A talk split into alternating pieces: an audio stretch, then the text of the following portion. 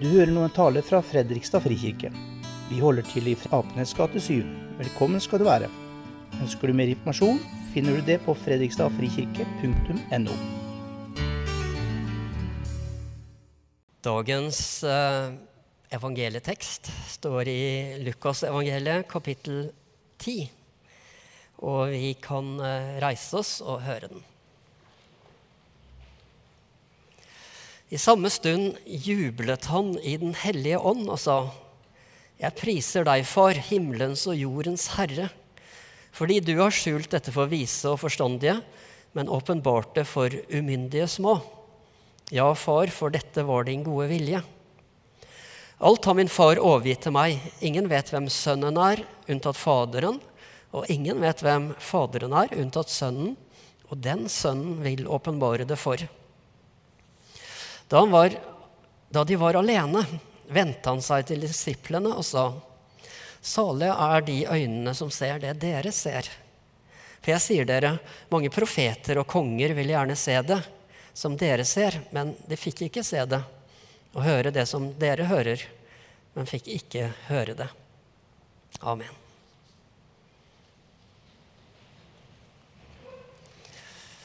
Jeg har lyst til å begynne i Det gamle testamentet, i den teksten vi hørte lest fra Første Mosebok kapittel 18, som er en underlig tekst, og som er den teksten som har inspirert akkurat dette ikonet som vi har på skjermen her i dag. Det er altså Abraham som befinner seg i Marne, i Eikelunden der. Og det står at han har slått Han er, sitter i teltåpningen sin. Han er jo en nomade, på, stadig på vandring. Og dagen er på det varmeste, og da befinner han seg i teltåpningen, i skyggen der. Og jeg tror kanskje vi som bor her oppe i nord, vi har jo ikke like store erfaringer med hvordan det er når det virkelig er dagen er på det varmeste. Men vi syns det er ganske varmt nå. Og vi kan tenke oss at vi legger på 10-15 grader til, iallfall, så begynner det å bli hett. Og sånn var det nok når Abraham satt der i teltåpningen. Så står det plutselig tre menn foran han.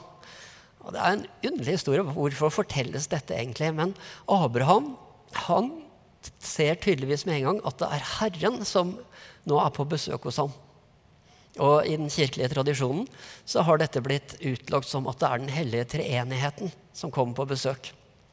Og Abraham, det han gjør, er å, å, å få gjort i stand et måltid. Så de kan sette seg ned og spise sammen. Og Abraham inviterer de tre til gjestebud. Men egentlig kan vi si, så er det sånn som det er i dette ikonet. At det er den hellige treenigheten som inviterer oss inn til sitt bord, til sitt gjestebud. Og det er malt sånn at det er en åpen plass foran her som sier at her kan du få komme og slå deg ned ved bordet. Lukas evangeliet kapittel 10. Jesus jubler i Den hellige ånd. Jeg tror det er det eneste det står et sånt uttrykk. Hvis man leser den samme teksten hos Matteusevangeliet, så står det bare at Jesus ba. Men Lukas han ville virkelig si noe om hvordan dette var noe stort som Jesus nå bryter ut i glede over. Og det han gleder seg over, er altså fordi du har skjult dette for vise og forstandige, men åpenbart det for umyndige. Um, umyndige, hvem er nå det? Det er et sånt vanskelig ord blant de mange vanskelige ord å oversette fra gresk, egentlig. Som eh, egentlig står det nepioi, som egentlig betyr noe sånt som eh, spedbarn. Eh, barn som ikke kan snakke. Barn som ikke har noen stemme. Og overført betydning på de stemmeløse, de umyndige, de som ikke betyr noe. De, sier Jesus, har Gud åpenbart sitt evangelium for. Og han jubler. Dette er stort, dette er flott. For dette er Guds gode vilje. Og han sier til disiplene etterpå.: Salig er de som ser det dere ser, og hører det dere hører. For det har vært eh, konger og profeter som gjerne ville sett det og hørt det, Men de fikk ikke. Men dere får høre det. Det er mye som vil hindre oss i å se, å se Guds evangelium. Men jeg tror ikke klokskap eller intelligens er en av de tingene som hindrer oss. Eh, jeg tror ikke det er det Jesus eh, sier her heller. At det er liksom de, de, kloke de får ikke se det, men de dumme får se det. Det er ikke det det handler om. Men det som, handler, det som ofte hindrer oss fra å se, eh, det er jo når vi tror at vi kan og vet. Når vi tror at vi kan og vet, da er vi ikke åpne for nye inntrykk og ny kunnskap og ting som endrer det vi mener oss å vite og kunne. Og Overfor Jesus så handlet dette om de skriftlærde. De som kunne sin, eh, sine skrifter, sitt gamle testamente, ut og inn. De som visste alt om Gud og loven og Guds vilje. Men når Jesus kommer, så passer han ikke inn i mønsteret. Han er ikke sånn som de forventer, og derfor så ser de ikke evangeliet. De ser ikke hvem han er, og hva han har å tilby. De visste alt om Gud, de mente seg å kjenne Guds vilje, men de var blinde. Men de små i samfunnet, synderne, tollerne, de syke, de spedalske, de med tvilsom moral, småbarna som uh, satt på Jesu fang, alle de fikk del i Guds rike. Alle de kunne se. Alle de kunne høre og forstå. Kristendom handler ikke om å slutte å bruke hodet sitt. Kristendom er ikke anti-intelligens. For tankene våre de er Guds gave. Intelligensen vår er Guds gave. Og hvis vi hadde lest bare noen vers under det som står her, så står det at vi skal elske Gud med all vår forstand. Og det betyr vel at denne forstanden, den skal vi bruke så mye vi kan. Men vi må ha en viss ydmykhet på egne vegne. For hva er det egentlig vi kan vite, og hva er det vi ikke kan vite? Kan vi vite noe om Gud i det hele tatt? Vi kan kanskje vite litt, at Gud har åpenbart noen spor av seg. Når vi ser ute innenfor den fantastiske våren, så skjønner vi noe om at Gud må være skaperkraft. At Gud må være fargeglad. At Gud må være kreativitet. Men vi kommer liksom ikke lenger. Og Det er først når vi leser evangeliet, at vi ser at Gud er den som kommer til oss med sin kjærlighet, med sin frelse, for å inkludere oss i fellesskapet. Da jeg var ung, så var jeg nok en typisk sånn ungdom som leste og tenkte veldig mye. Og leste enda mer igjen.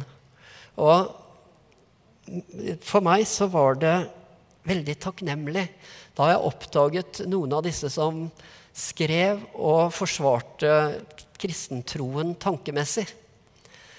At jeg skjønte etter hvert at det å tro det handla ikke bare om å kaste seg blindt ut i et eller annet. Men å tro, det kunne jeg bruke hele meg til å gjøre. Både kropp og sjel og tanker og intelligens. Alt kunne jeg tro med. Og det var to stykker som betydde spesielt mye for meg i ungdommen. Uh, og det var disse to her. Den ene het uh, Francis Schaeffer, den andre het C.S. Lewis. Bare si veldig kort om det. Jeg var sånn 16-17 år gammel når jeg oppdaget disse bøkene. Francis Schaeffer var en uh, amerikansk pastor som reiste til Europa fordi han ønska å være der hvor han tenkte at den tankemessige kampen sto mest om tro og, og, og, og religion og sånne ting. Han dro til Sveits. Han bygde opp noen uh, hytter oppe i fjellene der som kaltes for labri, uh, som betyr skjulested, eller et uh, sted der man kunne finne ro og søke ro. Og dit strømma unge mennesker til, ikke minst fra hele Europa. Og dette var på slutten av 60-tallet, begynnelsen av 70-tallet, hvor, hvor hippiene regjerte ungdomskulturen. Og der loffa de og haika de med langt hår og sandaler og det de hadde. Og det må jeg si, det, det, det, det var noe som, eh, som jeg syntes var kult på 70-tallet. Eh, og det de gjorde, var å diskutere og snakke og diskutere. Og ut av dette, disse diskusjonene så kom det noen bøker som het f.eks. The God Who Is There. Guden som er der. He is there and is not silent. Han er der, og han er ikke taus, osv. Som betydde mye, veldig mye for meg som 17-18-åring.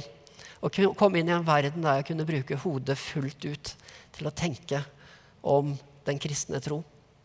Og så var det C.S. Lewis som eh, litt før Han døde i 1963. Nå er han jo mest kjent for det han skrev Narnia-bøkene, som nesten alle barn har vært igjennom. Men han skrev også mange bøker om kristen tro og tenkning. Og C.S. Lewis sjøl hadde en ganske spennende historie, fordi han, han var jo denne lynende intelligente unge mannen som allerede da han var, forlot barndommen, så forlot han også kristentroen, som han følte hadde ingenting å gi han eller si han. Og han kunne var ingenting han likte mindre enn å synge salmer. Så, så han eh, begynte sin akademiske karriere innen eh, språk, litteraturvitenskap på eh, universitetet i Oxford. Han ble lærer, og han Så oppdaga han noe. At han likte å være sammen med folk. Og de folka som han likte aller mest å være sammen med og diskutere med og snakke med på universitetet der, de var alle kristne.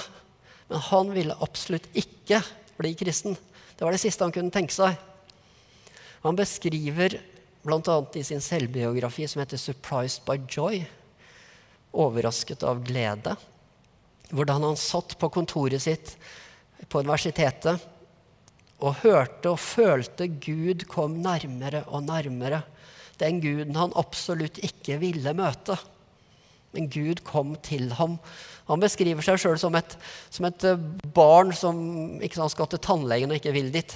Du bærer det barnet ut mens det spreller og sparker og prøver å holde seg fast i dørkarmen. Og sånn sier han, sånn ble jeg båret inn i Guds rike, i Guds favn. Men det var når han kom inn, at han nettopp ble overraska av gleden over hva han oppdaga når han kom inn i troens verden. Og han skrev noen av disse veldig viktige bøkene for meg når jeg var ung, som handlet om det man kan kalle apologetikk, altså forsvar av Gud. Eh, som Bøkene hans de kan man faktisk kjøpe på norsk, og de fins ennå i bokhandler og sånn. Men det å, som et ungt menneske å skjønne at jeg kan inkludere hele mitt intellekt, hele min tanke, i Guds tro, det var en stor oppdagelse. Og jeg skrev sjøl en, en bok i den tradisjonen litt senere òg. Kristen tro er for alle mennesker. Kristen tro er ikke bare for eh, de enkleste, men det er også for de enkleste. Og kristen tro er for de skarpeste, og kristen tro er for alle oss som befinner oss et eller annet sted midt imellom. Og troen er derfor en gave. Den er ikke noe vi kan ta oss til. Sønnen, Jesus, må åpenbare den for oss, må gi oss den. Og om du har troen, og om du kjenner i hjertet ditt at 'jeg tror faktisk på Jesus', da er det Jesus sjøl som har åpenbart seg for, for, deg. Det er han som har gitt deg den troen. Det er derfor vi også kan vite at vi er alltid velkommen hos Jesus hvis vi tror. For den troen har vi fått av han. Og du har fått noe dyrebart. Du har fått noe som gir mening i tilværelsen din. Som sier deg noe om hvorfor du er her en forankring, et, et, et grunnfjell du kan stå på selv når det meste går galt. Det gir deg trøst når det går galt. Når uh, idealene våre sprekker som, uh, som ballonger på 17. mai, og likevel vite at troen bærer, at det gir håp. Vite at vi er på vei mot Guds rike med livet vårt. Uansett hvor tåkete og vanskelig den veien eventuelt måtte være, så er vi på vei. Troen forteller hvor vi kommer fra, hvorfor vi er her, og hvor vi er på vei. Og det er vanskelig å svare på noen av de spørsmåla uten en tro. Evangeliet det kan ikke kjøpes for penger. Det er ikke for de rike. Det kan ikke løses som en matematisk ligning det er ikke for de klokeste. Det er ikke en premie for et langt og feilfritt liv for de moralske idealistene. Jesus jubler i Den hellige ånd fordi det er for alle. For oss alle. Bare vi kaster fra oss selvrettferdigheten og selvgodheten. Vi ser det ikke hvis vi er oppslukt i oss selv eller innkrøkt i oss selv. Vi ser ikke om vi er konger eller profeter. Det hjelper ingenting. Men om vi kommer som ganske alminnelige mennesker, sånne som vi er, sånn som du er som deg selv, til Gud og sier 'Jeg er ikke spesiell. Jeg har ikke noe betaling. Jeg har bare meg selv.' Må du derfor gi meg det jeg trenger, Gud. Gi meg troen, gi meg håpet, gi meg kjærligheten. Gi meg deg selv. Og så åpner den treenige Gud plass ved bordet, som vi ser her. Han sier, 'Her er plassen din. Bare kom her og spis med oss og drikk med oss og vær en del av vårt fellesskap.' Det er plass til deg rundt bordet. Det er plass for alminnelige mennesker, for sånne som oss.